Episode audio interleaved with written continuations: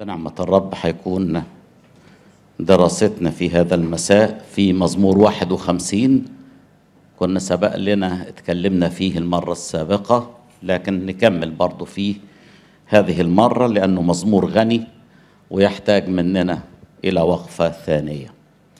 لإمام المغنين المزمور الحادي والخمسون لإمام المغنين مزمور لداود عندما جاء إليه ناثان النبي بعدما دخل إلى بث شبع.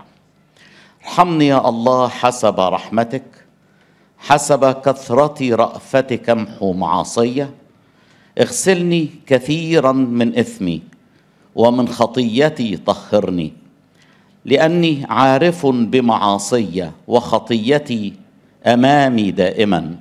إليك وحدك أخطأت والشر قدام عينيك صنعت. لكي تتبرر في أقوالك وتسكو في قضائك. ها أنا ذا بالإثم صورت وبالخطية حبلت بي أمي. ها قد سررت بالحق في الباطن ففي السريرة تعرفني حكمة. طهرني بالزوفة فأطهر. اغسلني فأبيض أكثر من الثلج. أسمعني سرورا وفرحا فتبتهج عظام سحقتها. أستر وجهك عن خطاياي وامحو كل آثامي. قلبا نقيا أخلق في يا الله وروحا مستقيما جدد في داخلي. لا تطرحني من قدام وجهك وروحك القدوس لا تنزعه مني. رد لي بهجة خلاصك وبروح منتدبة أعضدني. فأعلم الأثمة طرقك والخطاة إليك يرجعون. نجني من الدماء يا الله إله خلاصي فيسبح لساني برك. يا رب افتح شفتي فيخبر فمي بتسبيحك لأنك لا تصر بذبيحة وإلا فكنت أقدمها. بمحرقة لا ترضى ذبائح الله هي روح منكسرة القلب المنكسر والمنسحق. يا الله لا تحتقره. أحسن برضاك إلى صهيون ابني أسوار أورشليم. حينئذ تصر بذبائح البر محرقة وتقدمة تامة. حينئذ يصعدون على مذبحك عجولا. آمين. توقفنا المرة اللي فاتت عند نقطة ما كانش عندنا وقت نتكلم فيها وأعتقد إنها نقطة جديرة بإن إحنا نفهمها. لأن هذه الحقيقة من خارج المسيحية مش مفهومة ويفترى على التعليم المسيحي بسببها. وجوه المسيحية برضه مش مفهومة. وهذا الموضوع اللي سميته المرة اللي فاتت وما كانش عندي وقت أتكلم عنه الخطية الأصلية. الخطية الأصلية بالنسبة للناس اللي خارج دائرة الاعتراف المسيحي بيفتروا على التعليم المسيحي وبيقولوا إنه غير عادل. مع إن إحنا بنتشرف وبنسعد وبنفتخر أن الخلاص في الإيمان المسيحي مبني مش على الرحمة وحدها لكن الخلاص في المفهوم المسيحي مبني على العدل والبر. فكيف كيف؟ يمكن أن يكون الله غير عادل. إزاي؟ إزاي؟ ودي واضحة من أول دينونة كبيرة حصلت زمان أيام إبراهيم لما كان ناوي يهلك سدوم وعمورة. فقال له إبراهيم أديان كل الأرض لا يصنع عدلا معقولة؟ اللي هيدين العالم كله بأسره الله ده مش عادل. إزاي يكون يعني مش عادل؟ ليه بقالوا إنه مش عادل؟ قالوا كيف يحاسبني الله؟ على خطية لم أقترفها ولم أكن موجودا عندما اقترفت هذه الخطية. يقصدوا خطية آدم. والإجابة بتاعتي السهلة. مين قال لك إن ربنا هيحاسبك على خطية آدم؟ مين قال لك كده؟ عرفتها منين؟ أين في الكتاب المقدس نجد هذه الفكرة أن الله سوف يحاسبني على خطيه في الحقيقة بالنسبة مع معايا أنا مش فارقة كتير بمعنى. أنا عملت مليون خطية. لو ربنا خلاهم لي مليون واحد يعني مش فارقة. ضربوا الأعور على عينه ما بايظة. يعني هو أنا هعرف أخلص نفسي إزاي من المليون اللي أنا عملتها؟ لكن يظل السؤال هل الله هيحاسبني على خطية أنا ما ارتكبتهاش؟ وهل ده التعليم المسيحي؟ هل في المسيحية بنلاقي إن ربنا هيوقفنا ويقول لنا إن هحاسبكم بجهنم واوديكم جهنم لأن ابوكم آدم أخطأ؟ فين في المسيحية بنلاقي هذا التعليم المبتور اللي مش صحيح؟ فيا أيها القوم الذين تظنون أن المسيحية تنادي إن ربنا في يوم من الأيام هيوقفك ويحاسبك على خطية آدم أقول لك لا ما تخافش. ده مش هيحصل لكن هيحاسبك على خطاياك أنت ودي مش قليلة. أنت لو عارف مين هو الله في قداسته وفي بره لعرفت أن لك جبال لا تنتهي من الخطايا. أنت مش ناقصك يزود عليك ربنا خطية واحدة عملها آدم. لكن هل معنى ذلك إن مفيش في التعليم المسيحي خطية آدم؟ اللي أنا سميتها الخطية الأصلية مفيش في الكتاب المقدس هذا التعليم؟ لا فيه بس هنشرحه دلوقتي ونقول يعني إيه وإيه مضمون الخطية الأصلية بحسب تعليم الكتاب المقدس. لا مش هيحاسبني ربنا على خطية فوق المليون اللي أنا عملتهم لا مش هيحصل لأن الله عادل. لكن في حاجة تانية. حاجة تانية واضحة في الإصحاح ده اللي هي في الآية خمسة. لما بيقول في الآية خمسة بيقول كده ها أنا ذا بالإثم صورت وبالخطية حبلت بي أمي. أنا يا جماعة أنا متكون في العجينة بتاعتي لما تكونت العجينة أنا كانت من ضمن مكونات العجينة اللي أنا اتكونت بيها كان من ضمنها إيه؟ الخطية. أنا مولود بالخطية. ودي معنى الخطية الأصلية اللي هشرحها شوية عشان أوضح المفهوم من هذا الأمر في التعليم المسيحي لأن ده أمر يهم. كل إنسان عاقل ومفكر يفهم خلاص الله إزاي دينونة الله على إيه؟ أنا وضعي إيه؟ قدام الله القدوس البار العادل. يبقى اذا لا مش هيحاسبني الله على خطية زيادة على اللي أنا عملته. لما نروح لرسالة روميا نعرف إن تكلم الرسول بولس عن الخطية الأصلية خطية آدم في روميا 5 12 لما قال في روميا 5 12 فإنه كما بإنسان واحد دخلت الخطية إلى العالم وبالخطية الموت وهكذا اجتاز الموت إلى جميع الناس إذ أخطأ الجميع. دي مش أول القضية اللي بيناقشها بولس في رسالة روميا. هو من أصح واحد عمال يثبت الذنب على الناس. فتكلم عن الفلاسفة الوثنيين وتكلم عن اليهود الفلاسفة في أصحاح متأسف. الوثنيين في أصحاح واحد والفلاسفة الأمم في أصحاح اثنين وفي آخر الأصحاح اليهود وبعدين وصل في أصحاح ثلاثة كأنه في قاعة محكمة. فيقول بولس ممثلا للاتهام يقول فإننا قد شكونا تعبير قضائي. أقمنا الحجة والبرهان. شغلة وكيل النيابة أو ممثل الادعاء.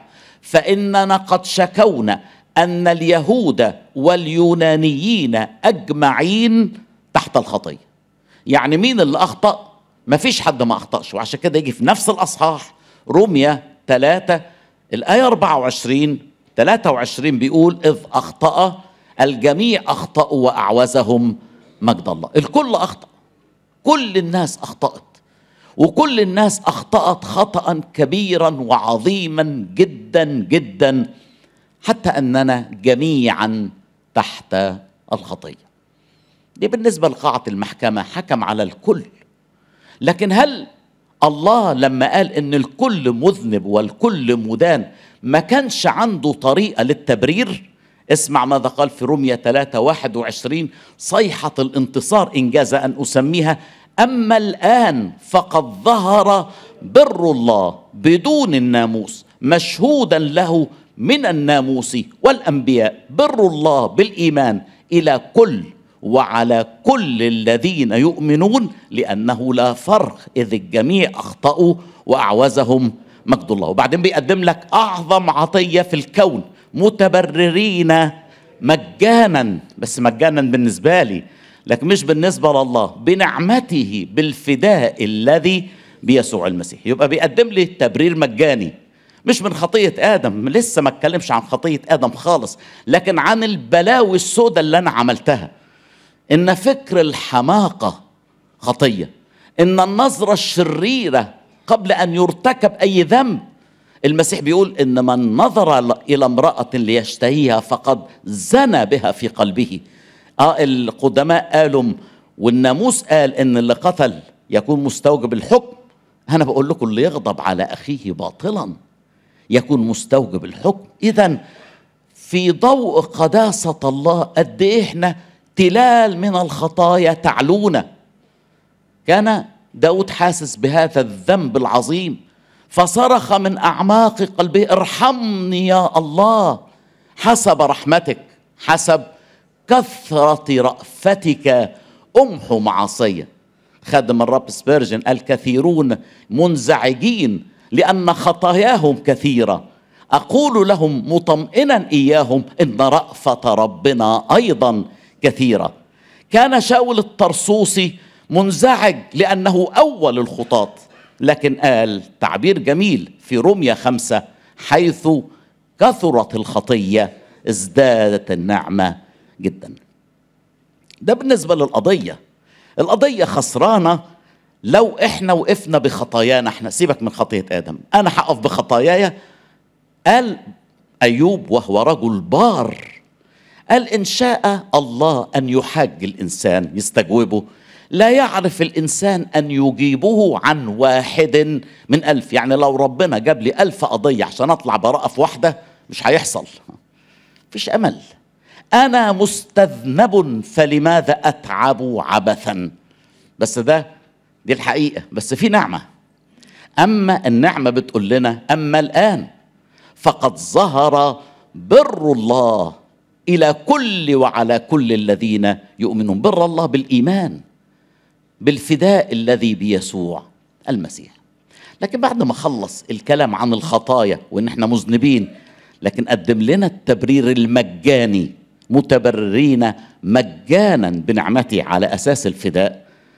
كأنه دخل بينا إلى حجرة العمليات أو إلى غرفة الأشعة. هنا بقى بولس مش محامي أو أنا مش واقف قدام عدالة الله لكي يستذنبني أو يبررني لكن دخل معايا إلى حجرة العمليات علشان يعالج المصيبة اللي فيا.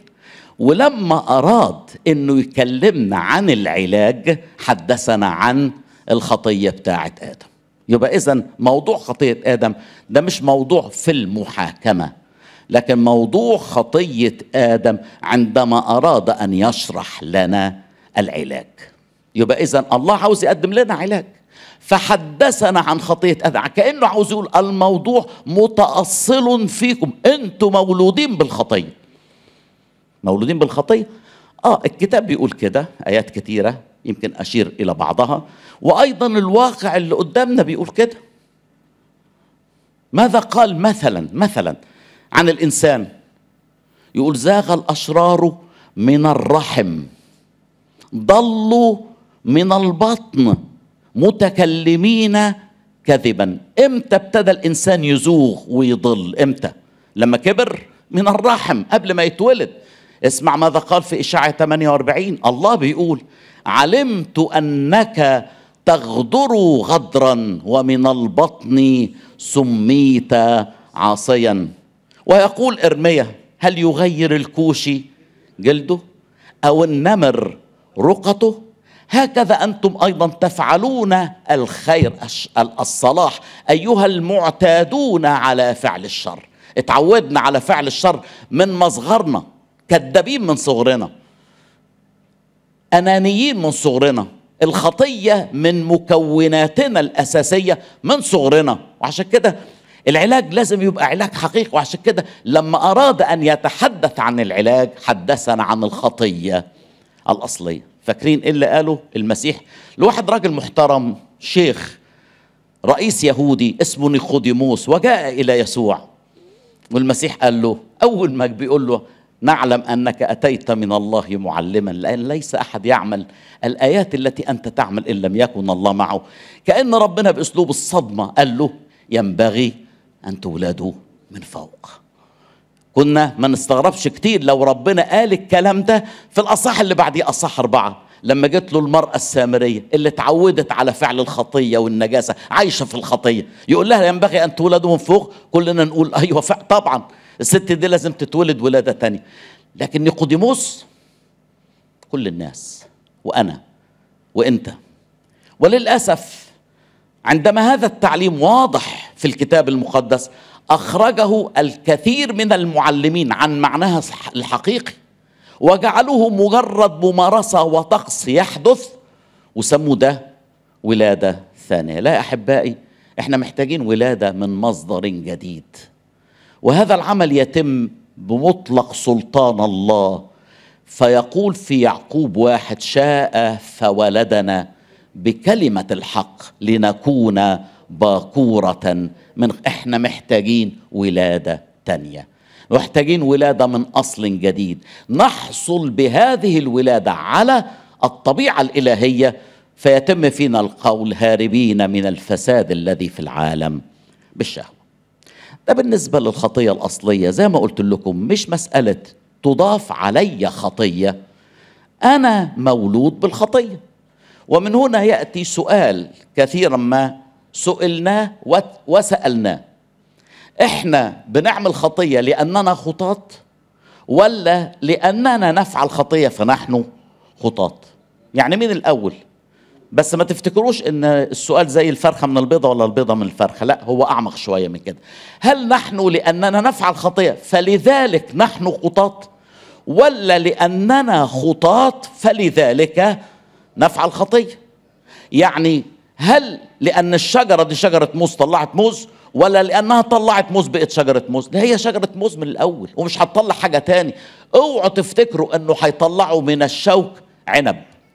أو من العلايق تين. العلاق مش هيطلع غير شوك.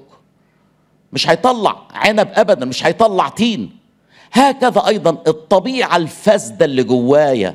أنا المولود من آدم مش هعرف أطلع غير شر. دي الشكوى اللي أدركها داود بلا شك باعتباره نبي. يعني دي نظرة عميقة للمسألة. هو عارف إنه عمل خطية.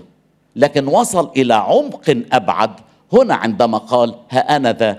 بالإثم صورت وبالخطية حبلت بي امي أنا بجيب التشبيه البسيط ده من أيام زمان أيام ما كان الستات في البيوت يخبزوا عيش.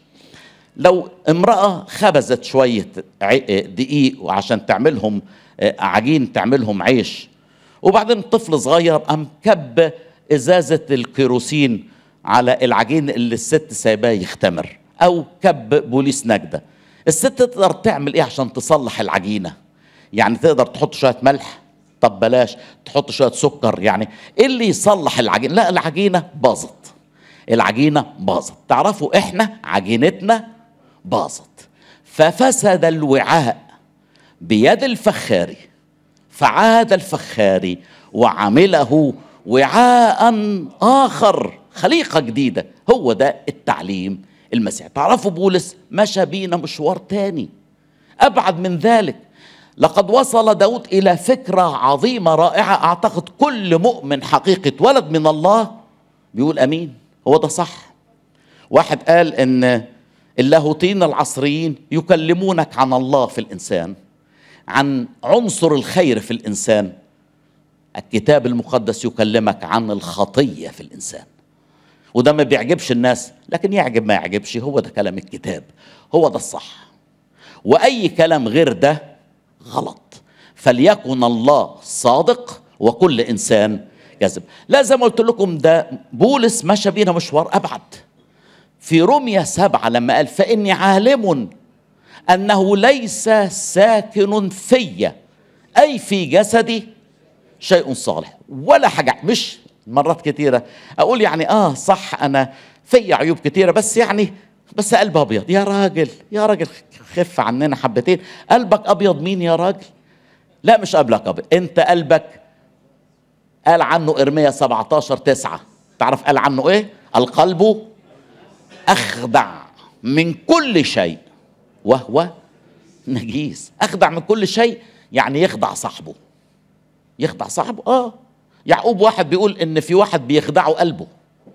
يعني القلب يخدع صاحبه. وتعرف تقرير الله عن القلب ده اللي أنت بتقول عليه كويس وحلو وطيب بيقول عنه إيه؟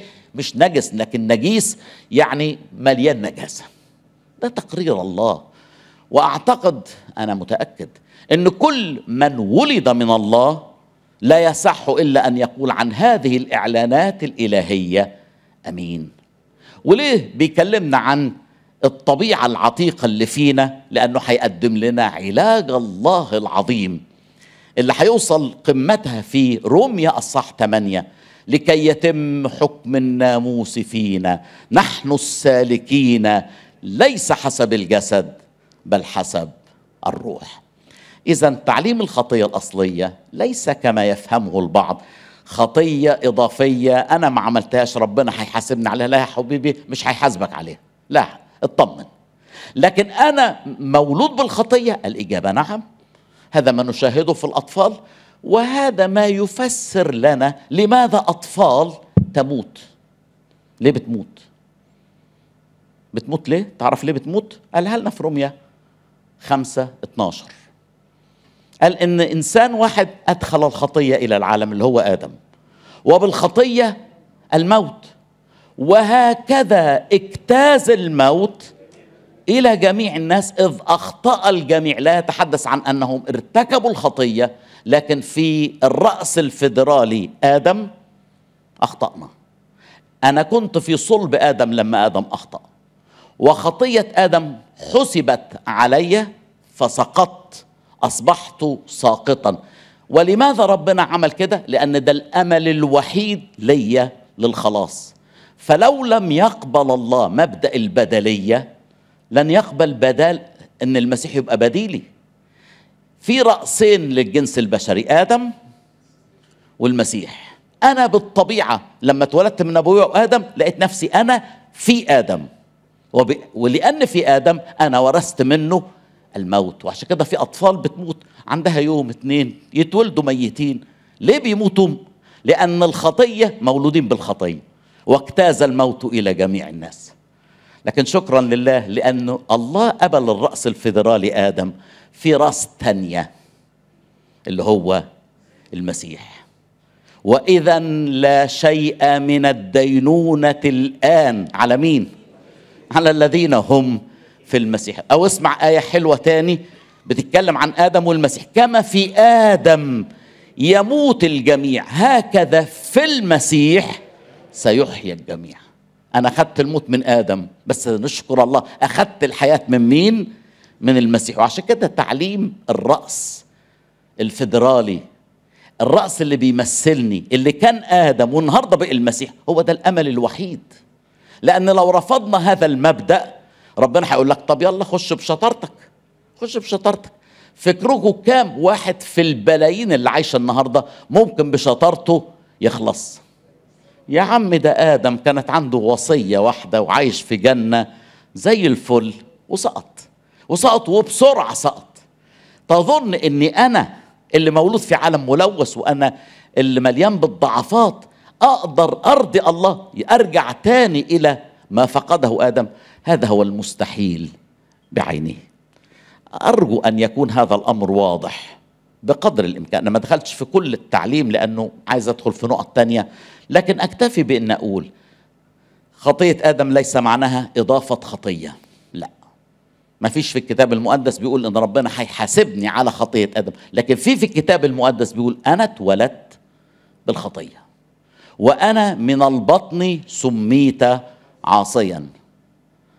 الأخ الحبيب اللي الف الترنيمة الحلوة اللي بنرتلها ما انساش أصلي كنت أنا عاصي. قال أنا ما ألفتهاش كده بس هم غيروها لي.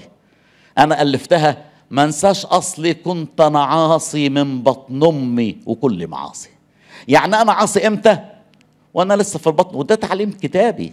ومن البطن سميت عاصيا. يعني مش طول ايامي يعني لما كبرت وبقيت عاصي. لا ده أنت عاصي من وأنت طفل. لا مش من وأنت طفل لا مؤاخذة. وأنت لسه في رحم الأم. من البطن سميت عاصيا. عشان كده التعليم ده لما نفهمه نفهم لماذا كلمتين ينبغي جم في يوحنا ثلاثة. ينبغي أن تولدوا من فوق وينبغي أن يرفع ابن الإنسان. ينبغي أن يرفع ابن الإنسان المسيح يموت عشان يشيل خطايانا. طب والحالة اللي أنا كنت فيها؟ المسيح كتر خيره شال خطاياي في الجلجسة طب وحالتي؟ حالة العصيان والتمرد والخطية. علاجها إيه؟ ينبغي أن تولدوا من فوق. أروح لفكرة تانية بسرعة. أقول إن تعليم القلب في الكتاب المقدس هام جدا وجوهري جدا. الناس بصفة عامة ما يهمهمش غير اللي من بره. الدين خليني أقولها من الآخر الدين لا يهتم إلا باللي بره. والدين ده مش حاجة جديدة يعني مش مش مش موديل 2015 الدين ده من زمان من أيام قايين. هو اللي اخترع الدين. ولما جه المسيح كان في نظام ديني كبير قوي هلم قوي. والمسيح كان يبغض هذا النظام. عمل عظة كاملة اسمها عظة الويلات. لأنه مش عاجبه. إيه مش عاجبه؟ إيه ربنا؟ أيها الكتبة والفريسيون المراؤون. تنقون خارج الكأس والقصعة وهما من داخل مملوءان اختطافا ودعارة. ويل لكم أيها الكتبة والفريسيون أنتوا عاملين زي القبور اللي من بره مبيضة. من داخل مليانة عظام أموات وكل نجاسة. آه لما جم ناس من أورشليم إلى الجليل كتبوا فريسيين زعلانين من ربنا. لما شافوا التلاميذ بياكلوا من غير ما يغسلوا ايديهم حسب مش حسب التعليمات الصحية حسب تقليد الشيوخ. كمية مية معينة وطريقة معينة وبالكفوف يغسلوا الم... ال... الكوع والحاجات زي كده يعني طريقة معينة. ما عملوش التلاميذ كده ما خلصوش من ال... ال... ال... راحوا للمسيح و... و... ومش عاجبهم. وآه بس كأن المسيح كان مستني لهم ده. وأنتم لماذا تبطلون وصية الله بسبب تقليدكم؟ ونزل فيهم فالتلاميذ جوه قالوا له أنت عارف التلاميذ لما سمعوا القول نفروا؟ قال اتركوهم هم عميان قادة عميان. أقول لكم بقى حاجة عشان أفهمكم. النجاسة ما بتجيش من بره لجوه لكن من داخل من قلوب الناس. تخرج الأفكار عشان كده داود ليه حق هنا لما بيصرخ وبيقول لربنا قلبا نقيا عدد عشرة. اخلق فيا يا الله وروحا مستقيما. جدد في داخل. الله عايز القلب. أحبائي أوعى تنظف اللي من بره والقلب نجس. ما ينفعش. مش ده. مش ده اللي ينفع مع الله. راح صمويل عشان يمسح حد من ولاد يسى ملكا. وشاف أول واحد عجبه منظره. ربنا قال له لا تنظر إلى منظره. وإلى طول قامته لأني قد رفضته لأنه ليس كما ينظر الإنسان. إيه الإنسان بينظر إزاي؟ الإنسان ينظر إلى العينين. خلينا أقولها ببساطة الإنسان ينظر إلى اللي من بره وأما الرب فإنه ينظر إلى القلب. وعشان كده خلونا ها قد سررت بالحق في الباطن. الآية ستة ربنا عايز الحق في الباطن. مش عايز مظاهر. الدين بيشجعك على المظاهر. وجوه في نجاسته. الله بيقول لك أنا يهمني القلب أولا. عشان كده في متى 23 نقي أولا. داخل الكأس والقصع وعشان كده يبقى من بره تبقى الكل نظيف. بس الأول طهر اللي من جوه. الله بيهمه القلب. مش كده؟ الله بيهتم جدا بالقلب. من تكوين ستة رأى الله أن كل أفكار تصور قلب الإنسان إنما هو شرير. كل يوم. والله عاوز إن يكون عندنا القلب النظيف. اللي إحنا قلنا عنه إن القلب بالطبيعة نجيس مش كده؟ قلب الذي بالأصل كان منجسا. بدم المسيح على الصليب تقدس. فعلى الصليب رجاء قلبي أسس. وبه أظل على المدى متفرسة فيه تفرس شاكر ممنون. أنتقل للنقطة الثالثة وأتكلم عن علاج ثلاثي قدمه ربنا في المزمور الجميل ده. الحاجة الأولانية في العلاج ربنا محى مش كده؟ يقول له كده في عدد واحد حسب كثرة رأفتك أمحو معصية. لكن كمان نتكلم عن الغسل اغسلني كثيرا من اسمي. وكمان اتكلم عن التطهير ومن خطيتي طهرني يبقى اذا العلاج الثلاثي محو للمعاصي غسل من الإثم وتطهير من الخطيه وتلاحظوا إننا لو كملنا بقية الفقرة هنلاقي نرجع تاني ويكلمنا عن المحو. فيكلمنا مثلا آه يقول له كده في عدد تسعة امحوا كل آثامي. ويتكلم عن التطهير في عدد سبعة مرة تاني طهرني بالزوفة فأطهر. ويتكلم كمان عن الغسل مرة ثانية اغسلني فأبيض أكثر من السك كأنه اتكلم عن المحو مرتين. وعن الغسل مرتين وعن التطهير مرتين.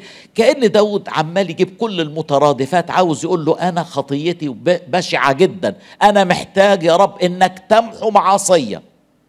وأفتكر اللي مننا فاكر لما كنا زمان بندرس سفر إشعياء. قرينا أيتين ورا بعض في أصحين ورا بعض عن محو الذنوب ومحو الآثام. ففي اشعيا 43 يقول كده في عدد 25 أنا أنا هو الماحي ذنوبك لأجل نفسي. جميل كلمة لأجل نفسي مش لأجل نفسك. يرد نفسي يهديني إلى سبل البر من أجل اسمه. أنا أنا هو الماحي ذنوبك من أجل نفسي وخطاياك لا أذكرها ومرة تاني في أصحاح اللي بعديه 44 عدد 22 قد محوت كغيم كغيم ذنوبك وكسحابة خطاك. نصحى الصبح بدري نلاقي غيوم. وبعدين نغيب نص ساعة جوه ونطلع ما نلاقيش ولا غيمة. راحت فين؟ اتمحت الغيوم واتبددت السحب. ودي صورة لما يفعله الله وده اللي طلبه داود من الرب في هذا المزمور. امحو. حسب كثرة رأفتك امحو معصية. ويتكلم كمان اغسلني. وشكرا لله. المحو كلف ربنا كتير. محى الصك الذي كان علينا مسمرا إياه بالصليب. يعني من غير الصليب ما كانش في محو. الغسل كنا محتاجين لدم المسيح. غسلنا من خطايانا بدمه وجعلنا ملوكا وكهنة لله أبيه. الدم الثمن كان غالي مش كده؟ والبركة اللي بعديها التطهير. يقول لنا صنع بنفسه تطهيرا لخطايانا. أيوة كان في حاجات زمان في العهد القديم دم ثيران وتيوس ورماد عجلة يقدس إلى طهارة الجسد لكن إحنا عايزين طهارة أعمق. فكم بالحري يكون دم المسيح الذي بروح أزلي قدم نفسه لله بلا عيب يطهر ضمائركم من أعمال ميتة. الإنسان الطبيعي يهمه نظافة الإيد ونظافة الأقدام عندما يقرب لله والله يهمه نظافة الإنسان نفسه. ما ينفعش بس إيدك تبقى نظيفة. العهد القديم كان فيه تغسل إيديك وتغسل رجليك لكن في العهد الجديد إحنا محتاجين غسل كامل. وعشان كده المسيح لما غسل رجلين التلاميذ وبطرس قال له يا رب أنت هتغسل رجليا برضه معقول ده كلام؟ قال له إن كنت لا أغسلك فليس لك معي نصيب. بطرس بيحب الرب. قال له لا مش بس يدي بل أيضا يدي ورأسي. قال له الذي قد اغتسل ليس له حاجة إلا إلى غسل رجليه بل هو طاهر كله. شكرا لله إنه أدانا هذه البركة العظيمة. طاهر. وبيكلمنا في رسالة يوحنا الأولى يطهر نفسه كما المسيح. طاهر يعني إحنا مقياس طهارتنا مش أقل من المسيح نفسه. طيب أنتقل إلى نقطة كمان جت في الآية اللي إحنا في المزمور اللي إحنا بندرسه. يمكن يعني مش واضحة ومش سهلة الآية سبعة لما بيقول طهرني بالزوفة فأطهر اغسلني فأبيض أكثر من الثلج. عايز أسأل هل واضح بالنسبة لينا إيه هو الزوفة؟ طهرني بالزوفة لو فتحنا ملوك الأول أصحاح أربعة هنلاقي إن سليمان وهو واحد من علماء عصره من حكماء زمانه وكل زمان بيقول لنا في ملوك الأول أصحاح أربعة إن عدد 33 تكلم سليمان عن الأشجار وبيقول لنا إنه ال ال ال الأشجار اللي اتكلم عنها من الأرز الذي في لبنان إلى الزوفة النابت في الحائط. إحنا عارفين الأرز شجرة معمرة شجرة ثابتة من أعظم الأشجار في كل الدنيا وعشان كده لبنان لأن بينبت فيها شجر الأرز كتير اتخذوه يعني في العالم بتاعهم شعار ليهم اللي هو الأرز. والكتاب المقدس بيقول إن حبيبي كالأرز في لبنان ينمو. فالأرز يتميز بالعظمة والفخامة والقوة والثبات. الأرز مش كده؟ العكس بتاعه لأنه تكلم من الأرز إلى الزوفه وبيقول إنه نابت في الحائط يعني نبات متسلق يبدو منه إنه ضعيف جدا جدا. وعايز يقول زي ما العظمة بنشوفها في الأرز بنشوف الوداعة والبساطة والاتضاع والانكسار في الزوفة. وعشان كده نقرأ عن الزوفة مرات كتيرة على الأقل في خروج 12 في شريعة خروف الفصح وفي لوين 14 في شريعة تطهير الأبرص وفي سفر العدد 19 في شريعة البقرة الحمراء. الثلاث مرات دول بيكلمنا على إن الزوفة بتتخذ علشان مثلا في شريعة البقرة الحمراء ياخذ رجل طاهر زوفة وياخذ من ماء النجاسة ويرش على الإنسان المتنجس في اليوم الثالث وفي اليوم السابع. في اليوم الثالث يرش بالماء النجاسة وفي اليوم السابع يبقى طاهر. أنا مش عايز أدخل في تفصيلات الشريعة لكن عايز أقول إن الزوفة بتكلمنا عن الاتضاع عن الوداعة عن الانكسار. وهنا لما بيقول طهرني بالزوفة فأطهر. عاوز يقول لنا إن شرط أساسي جوهري علشان تتمتع بالتطهير إنك تأتي بروح متضعة منكسرة.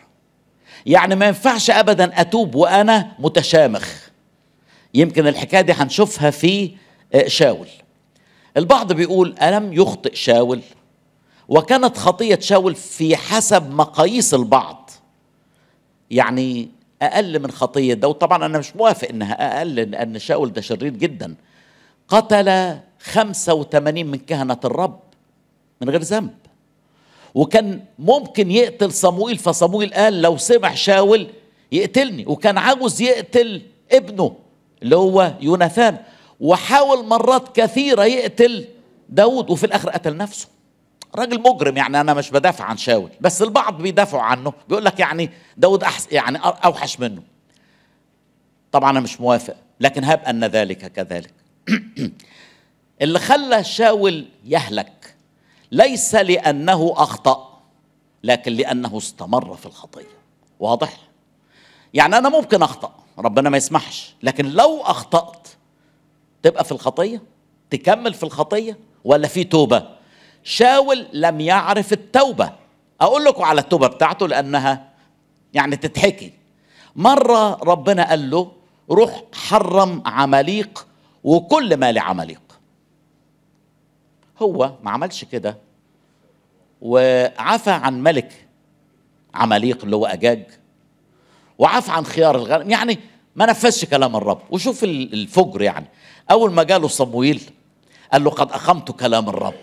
في الوقت ده يظهر غنم قالت ماء. فقال له أمال اللي بتقول ماء دي إيه دي؟ قال له لا ده أصل الشعب يعني عفى عن خيار الغنم عشان يقدم ذبيحة للرب. قال له هو ربنا مستني الذبيحة بتاعتك؟ هو ده الاستماع أفضل من الذبيحة والإصغاء أفضل من شحم الكباش؟ أنت أخطأت. فشاول قال له طيب بيني وبينك أنا أخطأت بس إيه؟ كبر دماغك بقى وأنا دلوقتي هنطلع قدام الشيوخ وانت تعاملني باعتبار الملك. قال له هو صمويل قال له ربنا رفضك ما انتش الملك من دلوقتي وطالع. قال له ماشي بس ما يهمكش الكلام ده. بس المهم لما نطلع دلوقتي قدام الشعب تعاملني باعتباري أنا الملك. أدي التوبة دي فيها زوفة دي ولا فيها أرز دي؟ لكن بصوا بقى داود لما أخطأ وجاله ناثان النبي. وقال له أنت هو الرجل. على طول قال إيه؟ أخطأت إلى الرب.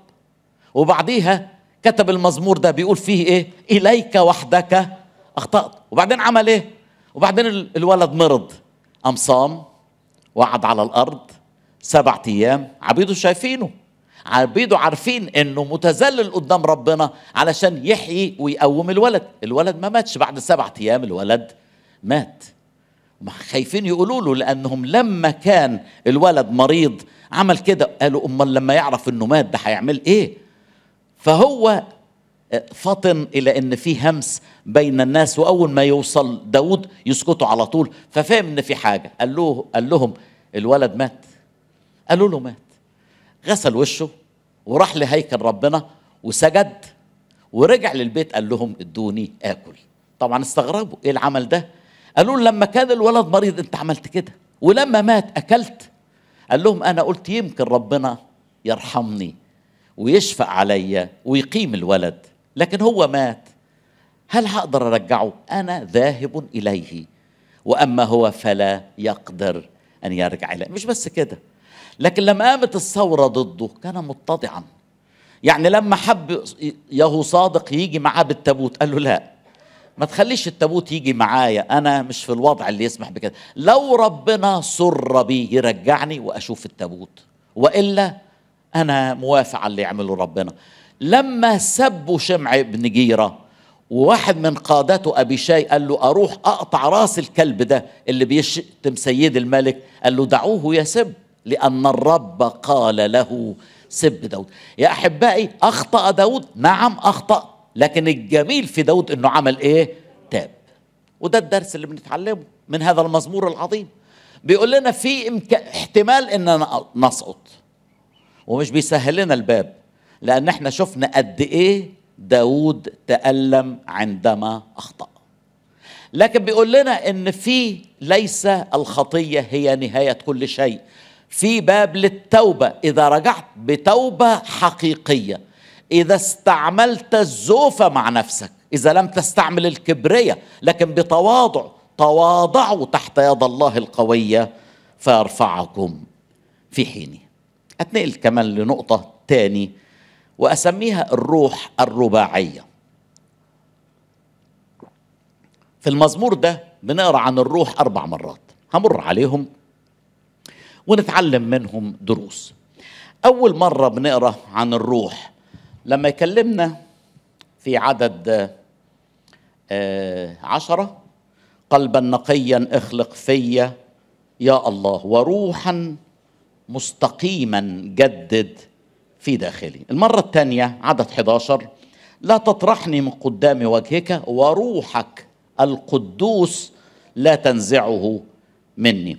الآية اللي بعدها عدد 12 رد لي بهجتي خلاصك وبروح منتدبة أعضدني. المرة الأخيرة عدد 17 ذبائح الله هي روح منكسرة. الأربع مرات روح من مستقيما الروح القدوس روح منتدبة روح منكسرة. طبعا مش الأربعة واحد لا. الروح القدس ده اللي جه في المرة اتنين. لكن في المرات الثلاثة التانيين بيتكلم عن روح الإنسان. بيسميها في المرة الأولى وروحا مستقيما جدد في داخله في الترجمة اليسوعية روحا ثابتة وكده في ترجمة دربي. بمعنى ما تخلينيش يا رب كلمة توديني وكلمة تجيبني منظري يخليني أجري وراء الخطية ومنظر تاني لا أنا عايز يبقى عندي ثبات إصرار عزم القلب. روحا مستقيما روحا ثابتا جدد مرات كتيرة نبقى في الاجتماع ونقول قرارات كويسة قرارات رائعة بس أحيانا كتيرة ما بنطلعش بالقرارات لأول الشارع وبعدين تتبخر هنا داود عارف طبيعة القلب البشري إنه يوعد وينسى بسرعة فبيطلب من الرب يا رب أوجد في أخلق فيا قلب نقي ويا رب جدد في داخلي روح ثابتة روح تصمد أمام التجارب التي نشاهدها ربنا يساعدنا. مرات كتيرة بتعرض علينا تجارب وبننزلق وبسرعة بنجري ورا التجربة لكن محتاجين للروح المستقيمة محتاجين للروح الثابتة. المرة الثانية بيتكلم عن الروح القدس وبيقول لنا وروحك القدوس لا تنزعه مني. ودي علينا إن إحنا نتنبه إن في فرق بين التدابير. وأذكركم بمقولة القديس أغسطينوس اللي بحب أرددها كثيرا ميز بين التدابير يستقيم لك التفسير. لم يكن الروح القدس في العهد القديم يأتي ليسكن. وعشان كده كان في احتمال إنه يفارق. وعلشان كده داود في صلاته بيقول له روحك القدوس لا تنزعه مني زي ما نزعتها من الراجل اللي قبلي اللي هو مين ده؟ شاول. وإحنا عارفين إنه ترك روح الرب شاول. لا مش بس كده. وبغده روح رديء من قبل الرب. لما شاف المنظر ده خاف داود وقال له يا رب اعمل معروف. روحك القدوس لا تنزعه مني. هل هذه الطلبة تصلح إن إحنا النهاردة نطلب هذه الطلبة؟ آه طبعا لا. لأن إحنا عندنا آيات كثيرة في العهد الجديد بتؤكد لنا أن الروح القدس لما جاء فينا جاء ليثبت ليسكن أو زي ما بيقول الأخ الحبيب ختم ثابت فيكم. وعشان كده بيقول لا تحزنوا روح الله القدوس. وبعدها يقول الذي به ختمتم ليوم الفداء. يعني أنا اتختمت بالروح القدس لغاية يوم الفداء لغاية لما أوصل للمجد لغاية لما أشوف سيدي الروح القدس مش هيسيبني لكن عرضة إن الروح القدس يجرى له إيه؟ يحزن. ودي هنتكلم عنها في النقطة اللي بعديها. بس خلينا نؤكد إن المسيح لما اتكلم عن المعزي الآخر اللي أنا أطلب من الآب فيعطيكم معزيا يمكث معكم إلى الأبد. يكون معكم وهو ماكث فيكم. يبقى اذا بالنسبة لينا كمؤمنين تم الفداء واتختمنا بناء على سفك دم ورش الدم اللي حصل على قلبنا. إحنا مش ممكن الروح القدس يفارقنا لكن كان ممكن يفارق داود زي ما سبق وفارق شاول. دي الروح الثانية. الروح الثالثة لما بيقول كده وبروح منتدبة رد لي بهجة خلاصك وبروح منتدبة. أعضدني روحا مستقيما. روحك القدوس وهنا روح منتدبة. كلمة روح منتدبة روح طيعة مستعدة للطاعة. روح منتدبة يعني أول ما تقول أقول لك ها أنا ذا. وبروح منتدبة أعضدني. أعمل إيه؟ أعمل حاجة رائعة. فأعلم الأثمة طرقك والخطاة إليك. ادينا رب الروح الطيعة الخاضعة. المستعدة اللي بمجرد ما تشاور ليها بكل سرور تقول ها أنا ذا أرسلني. لكن يمكن أحلى روح من الثلاث أرواح اللي اتكلمنا عن الروح الإنسانية يمكن أحلى روح اللي هي جت في الآخر. ذبائح الله هي روح منكسرة. في عالم الاعتداد بالذات عالم الغرور والكبرياء قد ربنا بيبص من فوق بيدور على ناس روحهم منكسرة. إلى في الموضع العالي المقدس أسكن.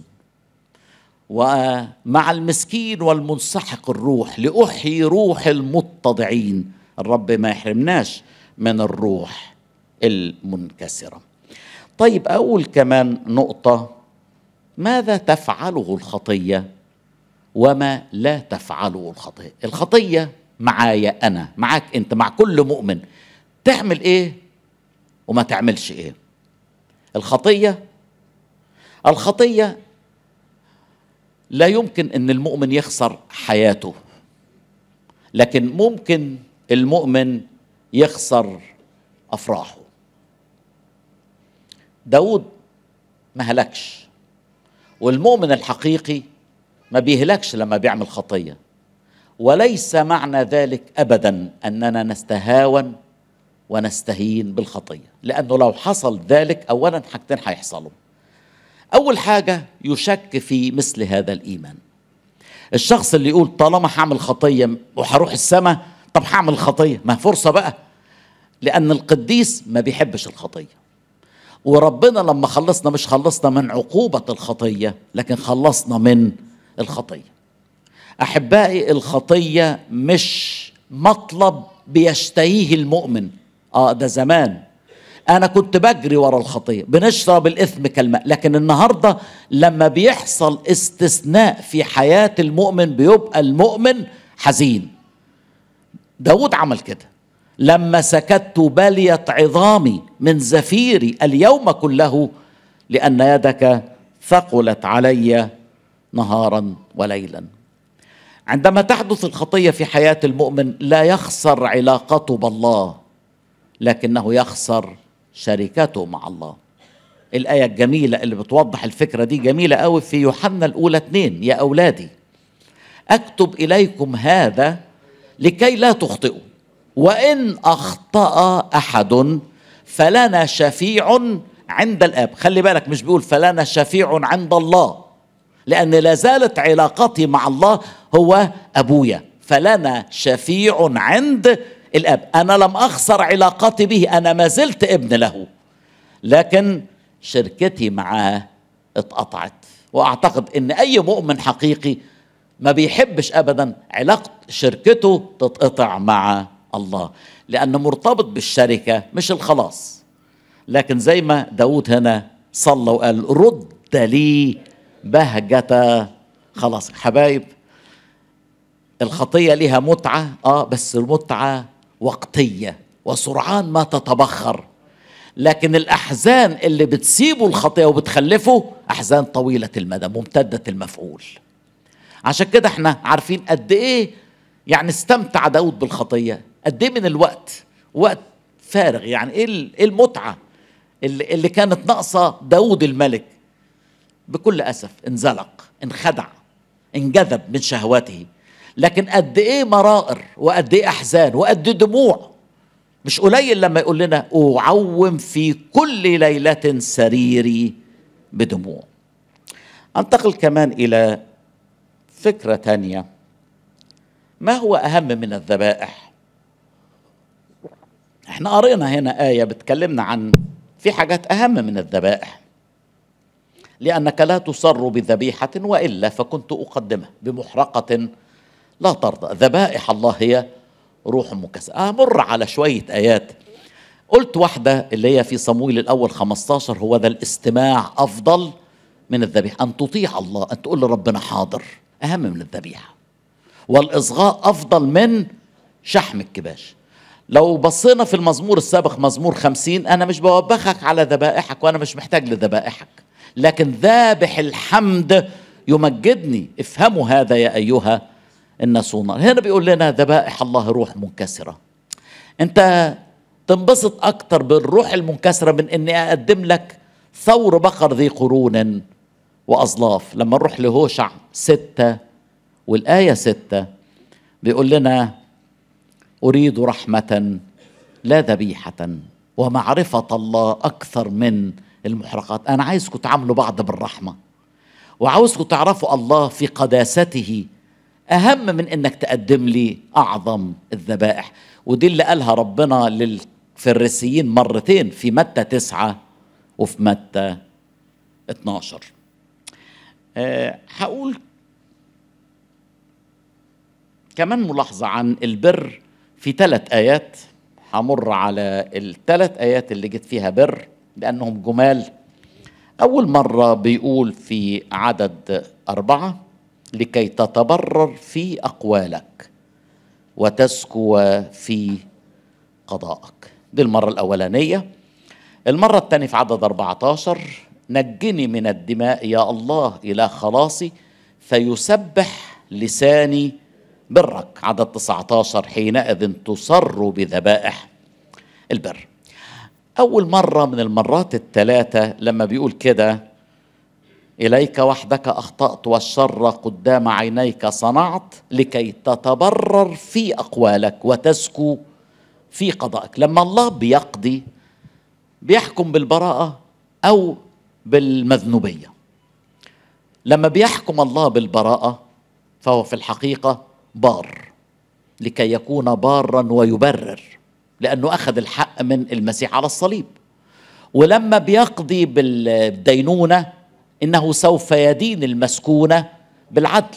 فعندما يدين الخاطي وعندما يخلص المؤمن في الحالتين الله بيتصرف على أساس من البر. وده اللي بيقوله هنا فيسبح لساني برك. أنا مش بس بسبح برحمتك يا رب بقول كتر ألف خيرك على مراحمك لكن فيسبح لساني برك. أنا بشكرك لأن برك أداني الأساس المتين للعلاقة الوثيقة والثابتة معك. وأخيرا حينئذ تصر بذبائح البر. الذبائح اللي مش مبنية على أساس من البر الله مش عايزها. الله عاوز ذبائح البر. أختم بقى بملاحظة أخيرة. الشخص الذي أخطأ هل في أمل أنه يكون سبب فايدة لشعب الله؟ تذكر داود في هذا المزمور رد لي بهجة خلاصك. بروح منتدبة أعضني فأعلم الأثم طرقك والخطاة إليك يرجعون. آه ممكن لشخص ضل وتاه إنه يرجع وربنا يستخدمه استخدام عظيم هائل فيكون سبب خلاص لكثيرين. لا ننسى سمعان بطرس. لا ننسى سمعان بطرس الذي أنكر الرب ووقف يوم الخمسين يقول لليهود أنتم أنكرتم القدوس البار. ولا ننسى أنه كتب رسالتين للمؤمنين لكي يثبت المؤمنين بناء على قول الرب له وأنت متى رجعت؟ ثبت إخوتك. بنشكر الله من أجل هذا الإله العظيم الذي يقبل توبة التائب ويرد له بهجة الخلاص. له كل المجد.